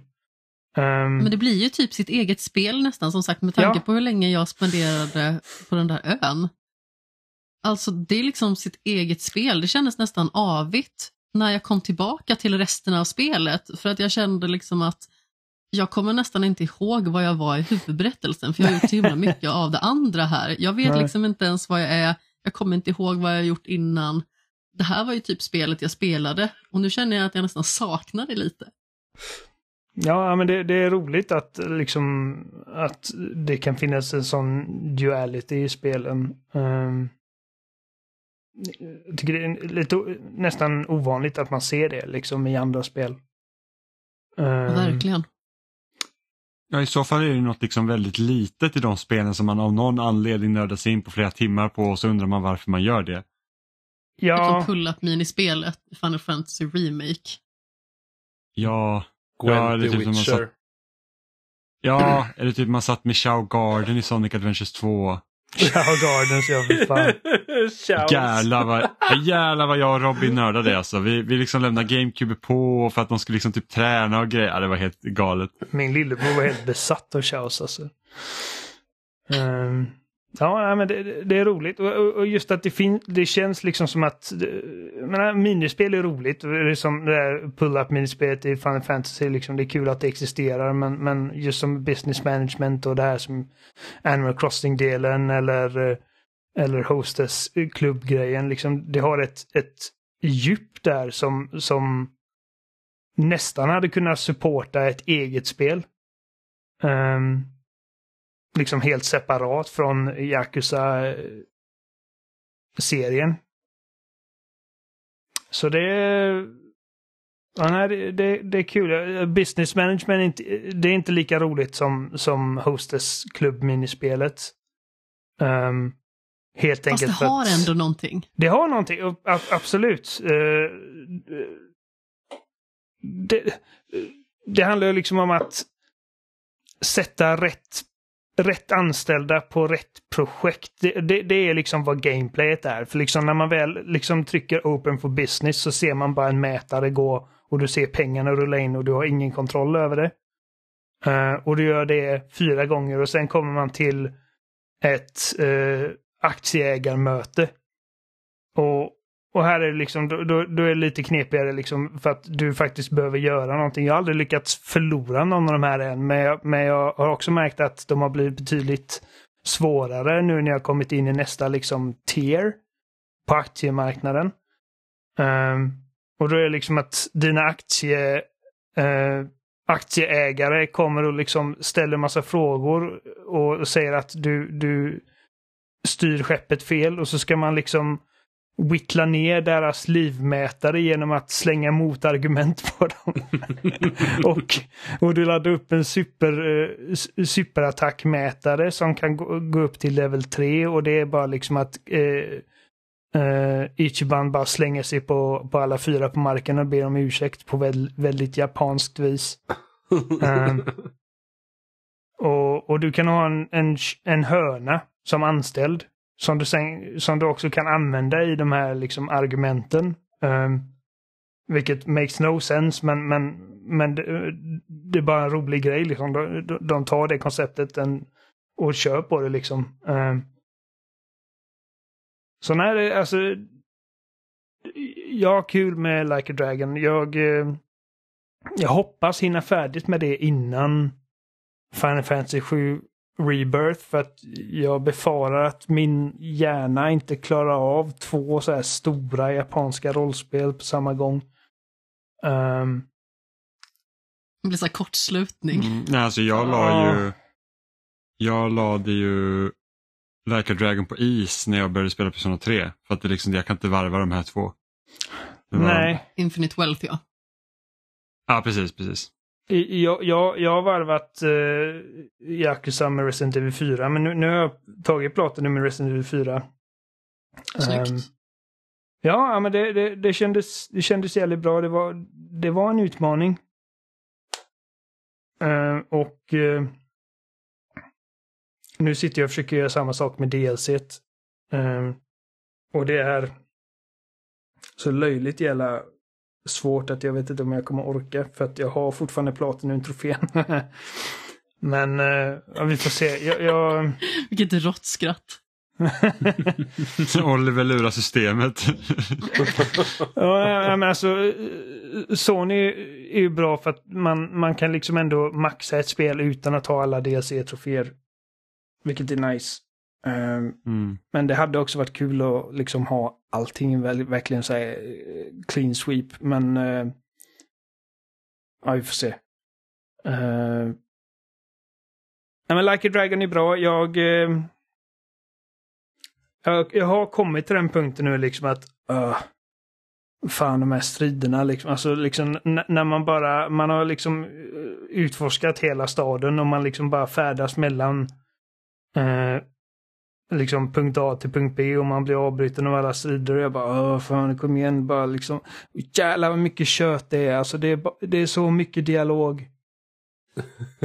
ja, det är det. Alltså det är verkligen obscent mycket dialog. Det är liksom nästan så att liksom de bara puts Hideo Kojima to shame med hur mycket dialog det är och liksom över de minsta skitsakerna. Liksom, alltså, det kan vara tre minuters konversation om hur kryddstark en, en, en, en rätt är. Liksom, om man bara... Get to the fucking point, snälla. um... Men jag, jag har en teori. Att alla i Japan är väldigt autistiska och väldigt, väldigt into their thing. Helt enkelt. Det är det enda som förklarar saken med tanke på att de är så. Ja, de är liksom väldigt... Liksom, Eh, du vet som hur jag är när jag pratar om någonting jag bryr mig om. Och du är för artig för att be mig hålla käften. Ja, ja okej. Okay, ja. ja, de är verkligen liksom eh, laser focus. Liksom, ja, liksom eh, de hade verkligen liksom, ah, visste du att 2010 eh, hände den här saken så gjorde den här saken så påverkar den där saken så bla bla bla. bla. Liksom fortsätter de och jag bara varför är alla i det här landet så här? När man pratar med dem Yakuza, varför gör de så här? det är en av förklaringen för mig. ja, nej, det... Och som sagt, jag hade inte, jag hade inte velat att ett Yakuza-spel skulle vara på något annat sätt. Men, men det är liksom... Eh, det beror lite på vilket humör man är när man spelar de här spelen. Um, hur det gäller med mig. Jag vet inte. Jag, jag, hoppas inte att, att jag blir för trött på, på liksom tempot och att jag lyckas ta mig igenom det. För jag tycker verkligen att det är jättebra. Mm. Jag har påbörjat också Infinite Wealth. Jag har inte kommit lika långt. Jag har inte kommit till det här ö-minispelet. Det. Eh, jag fortsätter springa runt på Honolulu och spöa folk. Ehm, Som man gör. Ja, liksom vad ska man annars dit för? Uh, nej men, och sen råkade jag börja spela Pikmin och så råkade jag komma av mig. så Ja, men jag ska också bra. fortsätta med det. Ja. Ja, du som börjar på en jävla massa spel. Ja men det, det råkar, det, det är en sån månad, okej? Säger han som också börjar på en jäkla massa spel. Nej, alltså jag spelar ofta klart mina spel när jag börjar på nästa spel. Nåja. Nu hade jag inget val med Like a Dragon och Persona 3 så jag recenserade båda. Baiten Kaitos tittar surt på dig. Så Ja. även Fire Emblem Engage och Mario plus Rabbids Sparks of Hope. Ja, men hade Fire Emblem Engage varit tillräckligt bra så hade det också varit klarat. Jag spelade i 60 timmar. Ja, jag tyckte det var kanon. Eh, och Baiten Kaitos var ju så att det, det spelet kom ju också under en olycklig tid när det kom så mycket spel. Mm. Så att enda anledningen till att jag ens började spela det, det var ju för att jag var uppe i Stockholm så jag spelade på tåget. Mm. Jag tror, jag tror ändå att Jimmy, du har, du har nog jävligt bra eh, finish ratio. Liksom om man kollar på alla spel du någonsin börjat spela så har du ganska hög procent klarade spel. Betydligt högre än vad jag har. Betydligt Ja, bättre det- än vad jag har. Det skulle jag nog tro också. Och jag också. Men, det- det, är bara väldigt kul att reta honom. Ja men det var kämpigt i höst. Alltså, det, det är flera spel där som jag verkligen ville spela klart och inte kunde. Som eh, Armored Core 6, Lies of P, Baiten Kaitos. Just det, nu kommer det fram fler titlar. Ja, men det- det- De är så djupt begravna i den här högen. Ja, Liksom, det är så jag så- såg dem inte Det är så svårt. Det är så svårt. Och så köpte jag ju Prince of Persia, det senaste spelet, för jag tänkte ju spela det i helgen nu när det var eh, Retresa Meetup. Men jag satt ju bara och typ spelade Persona 3. Mm. Och det tog mig i huvudet. 72 timmar att klara. Ja, jag sköt med huvudet ja. Och sen spelar vi liksom inte bara Nej, nej, nej. digitala vi- vi- spel där heller, nej, utan nej. vi umgås ju och spelar liksom Ja, ja, men det är klart. sällskapsspel Men- och liknande också. men jag- Wingspan, väldigt roligt måste jag säga. Ja, men när jag spelade själv så var det Persona 3 och det spelade jag ändå säkert en 15 timmar under helgen. Så att, Minst. ja, så att det, det var Jag kan inte Eh, fatta att du tog dig igenom Yakuza Zero 1, 2, 3, 4, 5, 6. Och sen 7 på rad. Nej, alltså jag spelade 1 till 6 från typ, jag började på ettan i typ november 2020. Och sen var jag klar med Yakuza 6 typ sommaren 2021. Började inte med Zero. Det var ett kortare tidsspann tror jag faktiskt. Det kanske var också. Eh, nej, men nej, Zero spelade några år innan. Ah, okej, ja. Så jag spelade Zero och sen så liksom var det 1, 2, Paus. 3, 4, 5, 6. Och Yakuza Like a Dragon spelade vi i somras. och, och Like a Dragon spelade vi i somras ja. Eh, Okej, ja, men, du tog var- jag- jag- 6 Yakuza-spel Ja. på rad. Ja, men jag var också arbetslös så att eh, Ja, men det, det, det var liksom, varje gång jag är klar det var med ett så- Yakuza-spel så är det bara fan, alltså det kommer dröja innan jag tar mig till Kamurocho jo men så hade, jag spelade Kiwami 1 och sen körde jag ett annat spel emellan. Och så bara, men nu tar jag Kiwami 2.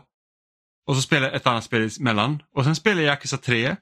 Och jag tror att det var så kort så att när jag var klar med det, det var så här, ja, jag börjar på fyran och så brände jag igenom fyran och sen när jag var klar med fyran så var det så här, men jag vill ändå spela med Yakuza så då körde jag fem och sex i rad där också. Sen.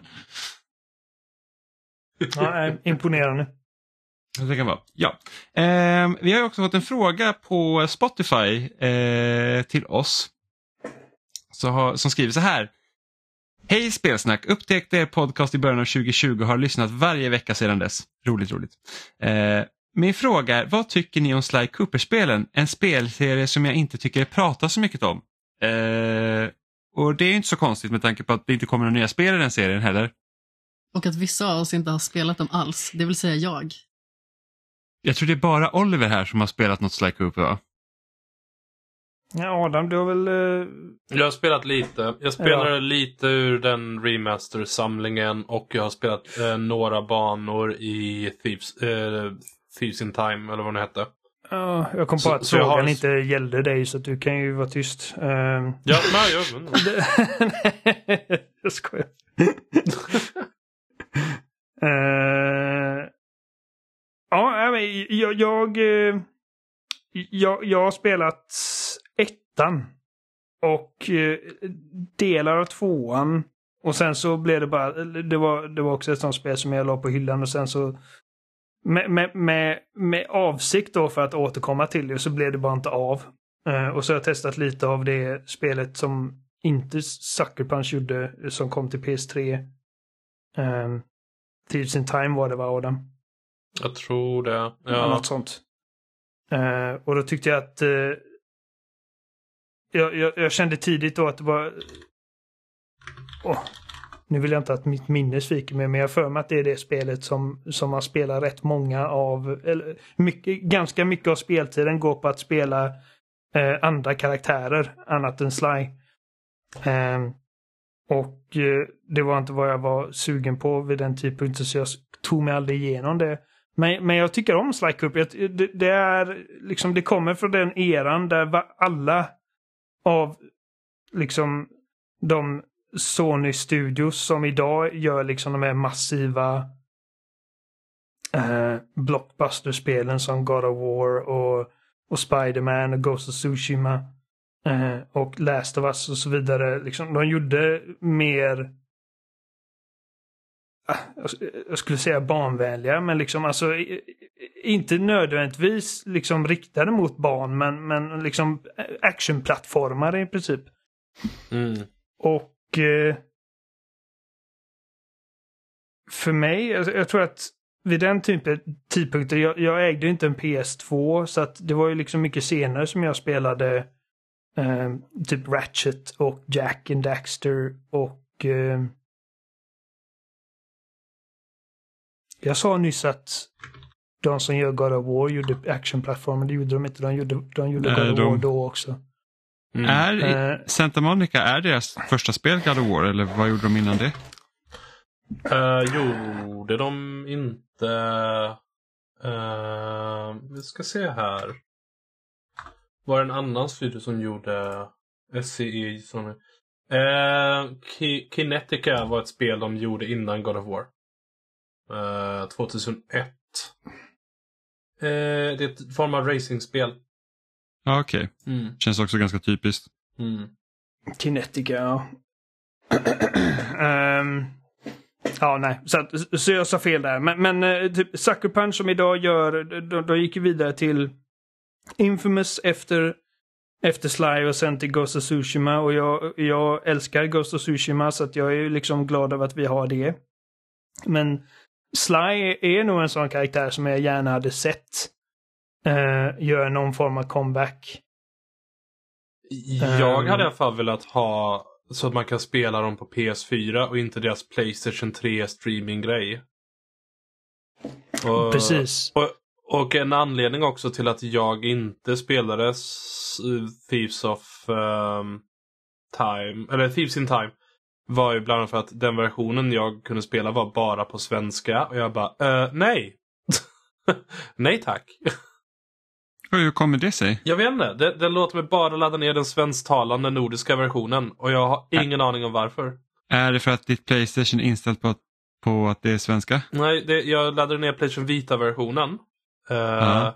Och, det, det, och det, min Vita är på engelska. Så jag har ingen aning om varför. Eh, Vad märkligt. ja, och det här med spel på Playstation 3 just nu också är ett aber digitalt. Eh, så ja. Så jag, jag vill ha någon form av remake eller remaster med i alla fall originaltrilogin. Då hade jag nog satt mig ner och försökt spela det igen. För att jag tycker, jag tycker Sly överlag är en ganska väl designad karaktär. Jag tycker han ser cool ut och jag tycker karaktärerna är charmiga. Så jag vill se, jag vill ge Sly Cooper en till chans men jag vill ha bättre sätt att spela honom på. Mm. Nej, jag... Jag har eh, ja, Jimmy.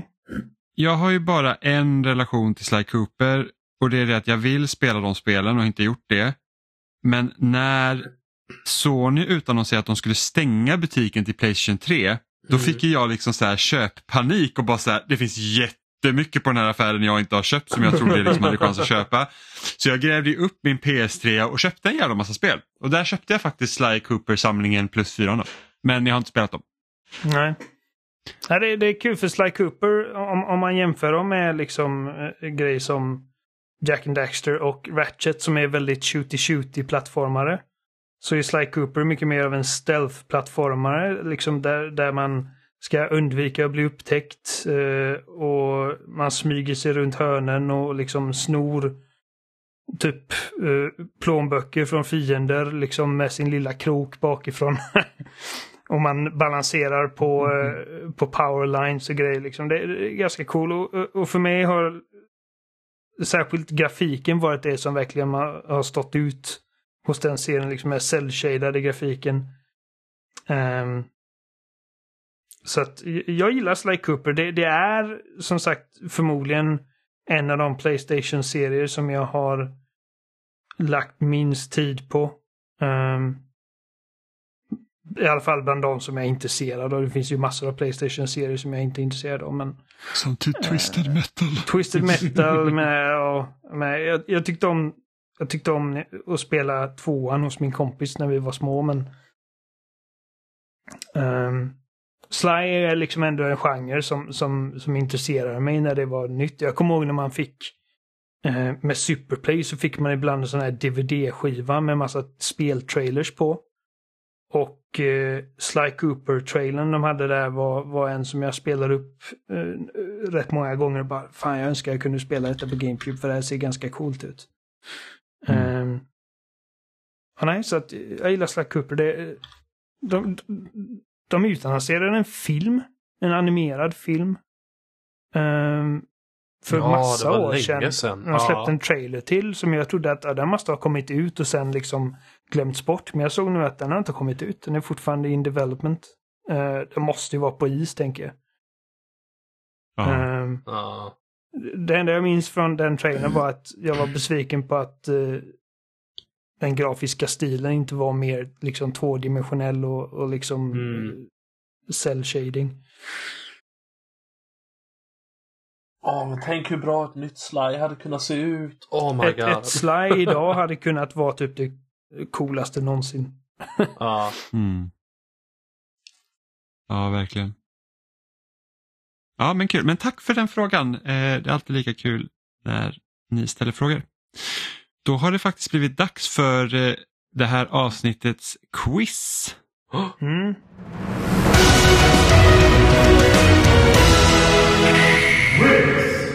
Som jag nästan hade glömt bort som jag kom på idag på jobbet och bara så här. Vänta nu, är det min tur den här veckan? Så räknar jag och så bara, ja det är det. Ja. Eh, Men jag har förberett tre frågor. Mm. Veckans quiz skriven på en toapaus. Ja, i princip. Eh, Poängställningen Amanda 3, Oliver 4, Jimmy 6, det lilla rövhålet. Ja. Och Eh, Adam? Adam Ja. 0, men det, det ska Ah, vi... vilken sopa. Nej, Adam, du får inte vara med. Okej. Nej, jag bara skojar.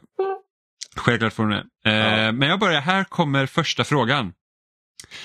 Final Fantasy är en gammal anrik serie som började sina första steg på 80-talet till NES. Men hur många numrerade spel släpptes i serien under 90-talet? Är det A. 4, B. 6 eller C. 8? Och det är alltså numrerade spel, då måste liksom vara Åh, typ Final Fantasy 3. Det är liksom inte... Final Fantasy Tactics och sånt räknas inte. Nej, exakt. Utan bara de, bara de numrerade spelen. Kan du ta alternativen en gång till? 4, 6 eller 8.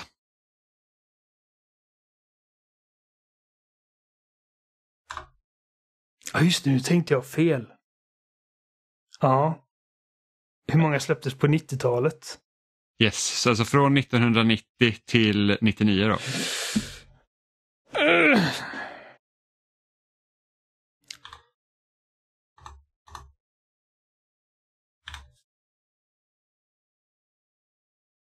Ja, det här är ju lite kämpigt. Ja, jag... ehm, Jag på ringer en vän. sex. Behövligt. Okej, har ni era svar redo? Ja. Ja. Adam, som vår gäst så får du svara, vad tror du? Åtta. 8. Amanda Jag tror också att det är åtta. och eh, Oliver. Jag gissar sex. Och rätt svar är 6. Fasen! Yes! Så du har, eh, det första Final Fantasy kom 1987 och tvåan följdes 88. Så trean kom på 80-talet. Nej, trean kom på 90-talet. Gjorde det det? Yes, eh, så de som släpptes på 90-talet var Final Fantasy 3, Final Fantasy 4, Final Fantasy 5, Ah. Final Fantasy 6, Final Fantasy 7 och Final Fantasy 8. Ja, det var de första spelen jag hade fel på. Fuck me. Ja. Men det släpptes Final Fantasy 9. 2000.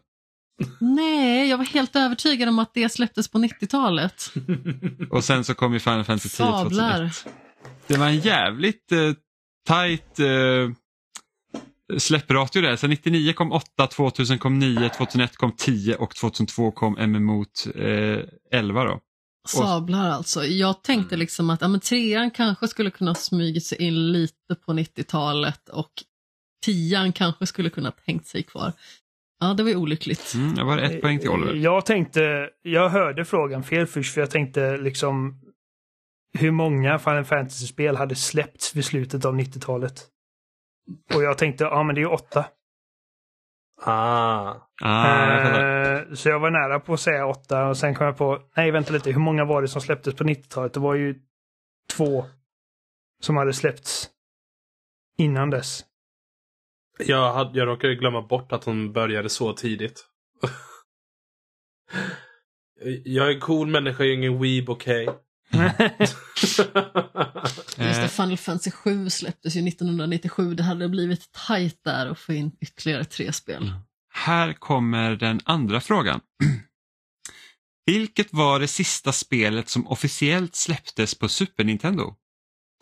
Är det A. Metal Slader Glory Directors Cut? Är det B. Fire Emblem Thracia 776? Eller är det C. Kirby's Dreamland 3? ja, det kan vara vilket som helst av de här. Men eh, jag har min gissning. Yes.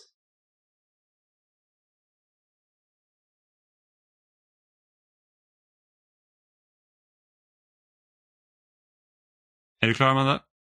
Jo då. Då får Amanda börja. Vilken tror du? Ska jag börja alltså? Ja. Jag gissar på C. C. Kirby's Dreamland 3. Oliver? Jag gissar på det första du sa. Metal Slader Glory Directors Cut. Ja. Eh, Adam? S- Ja, samma.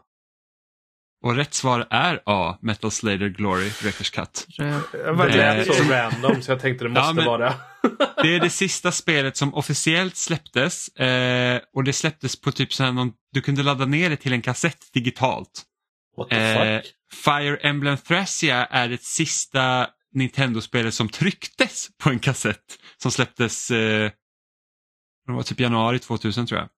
Wow. Medan Metal Slader släpptes i november samma år. Jag tyckte det var liksom ett namn som kändes liksom så utstickande så det kändes som att det fanns där bara för att försöka vilseleda. Ja, så, så, så hade man kunnat tänka. Jag, jag bara gissar på det, Eh. det enda jag aldrig hört talas om. eh, då har vi fråga tre. The second best thing to do in the dark är en tagline för vilken konsol? Är det Ah. A. Nokias Engage? Är det B. Sonys PSP? Eller är det C. Game Boy Advance SP? Detta vet jag. Jag ser, jag ser eh, reklamen framför mig. Den här gången måste det väl vara C. Amanda svarar C. Vad svarar du Oliver? Eh, jag kommer inte ihåg vilken bokstav, men det är Game Boy Advance SP. Och Adam, vad svarar du? Jag tror också C. Ja, och är rätt. Jag gissar C alla gånger, någon gång måste det bli för, rätt. för Backlight var väl en av grejerna som var speciell med SP väl? Första Yes. Game Det Boy var- med Det, det var skärmbelysning. därför det var därför som eh, det var det. Så att, och, och den Har man läst Superplay på 2000-talet så har man ju definitivt sett den. Det Ja, har ju inte jag, men däremot så har jag ju original Game Boy Advance. För jag är ju mycket väl medveten om att den inte har baklyst skärm. gud. Så därför tänkte jag att det måste vara SP. Ja, Nej, men det var just det att det är liksom så att då är, det en, då är det en halvnaken man som ligger bredvid en halvnaken kvinna och så sitter han och spelar, eller ligger ner och spelar Game of Thrones. ja, hon ligger och sover bredvid och det typ eh, insinueras att de är liksom eh, nyboinkade. Och så ligger han och spelar med sin coola Game Boy Advance SP. Undrar om det till och med var Tribal-versionen, jag minns inte. Nej, tribal-versionen. Det var mycket tribal på 2000-talet. Jag tror Mario var- var med i någon reklam också. Han hade en tribal-tatuering Tribal på armen. shit. På Ja, början av vad risigt. 2000-talet. Alltså det är nästan som man hade kunnat skicka, eh, skicka Mario med sin tribal-tatuering till Jersey Shore liksom. Mm. Ja. Men du Jimmy, för att vara liksom ihopslängt i sista sekund så var detta rätt bra fråga faktiskt. Säger jag som fick alla rätt. Ja, så fick alla Det var en lång toapaus. Ja, nej, men alltså det... Jimmy gillar att bajsa på lokal. Ja, få betalt och kan skriva quiz. Nej, det, ja, men vad kul att det uppskattades. Ehm, och med det sagt så är det slut för idag helt enkelt. Eh, ni hittar som vanligt på spelsnack.com och där finns också alla länkar till ställen vi finns som Spotify, Apple Podcast, RSS-flöden, Youtube. Eh, ni kan också följa oss på sociala medier på Instagram och Twitter, att spelsnackpodd. Eh, ni kan också skriva till oss. Eh, antingen mejlar ni på kontaktetspelsnack.com eller kommenterar på några av våra sociala medier eller kommenterar på loading.se. Eh, tack Adam för att du vill vara med. Tack själv att du fick komma. Igen. Eh, kul med första uppdatering på ligan så får vi se när vi träffas nästa gång. Det blir väl om en månad ish antar jag. Mm. Så då har även du fått spel släppta. Då får vi se hur dåligt det gick för dig. Ja, det kommer gå jättebra. Alltså så chocken om Star Wars-spelet får typ 10 av 10. Alltså, det kommer få 11 av 10, ska du se.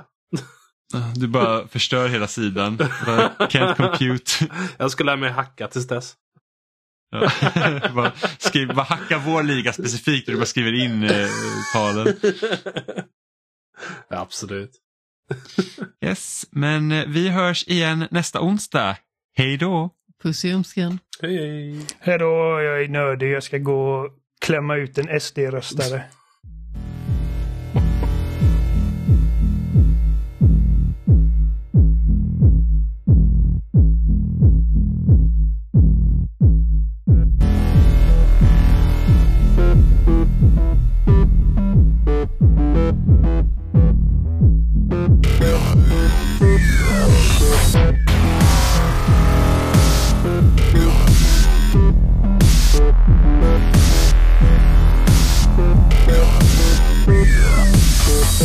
Yeah.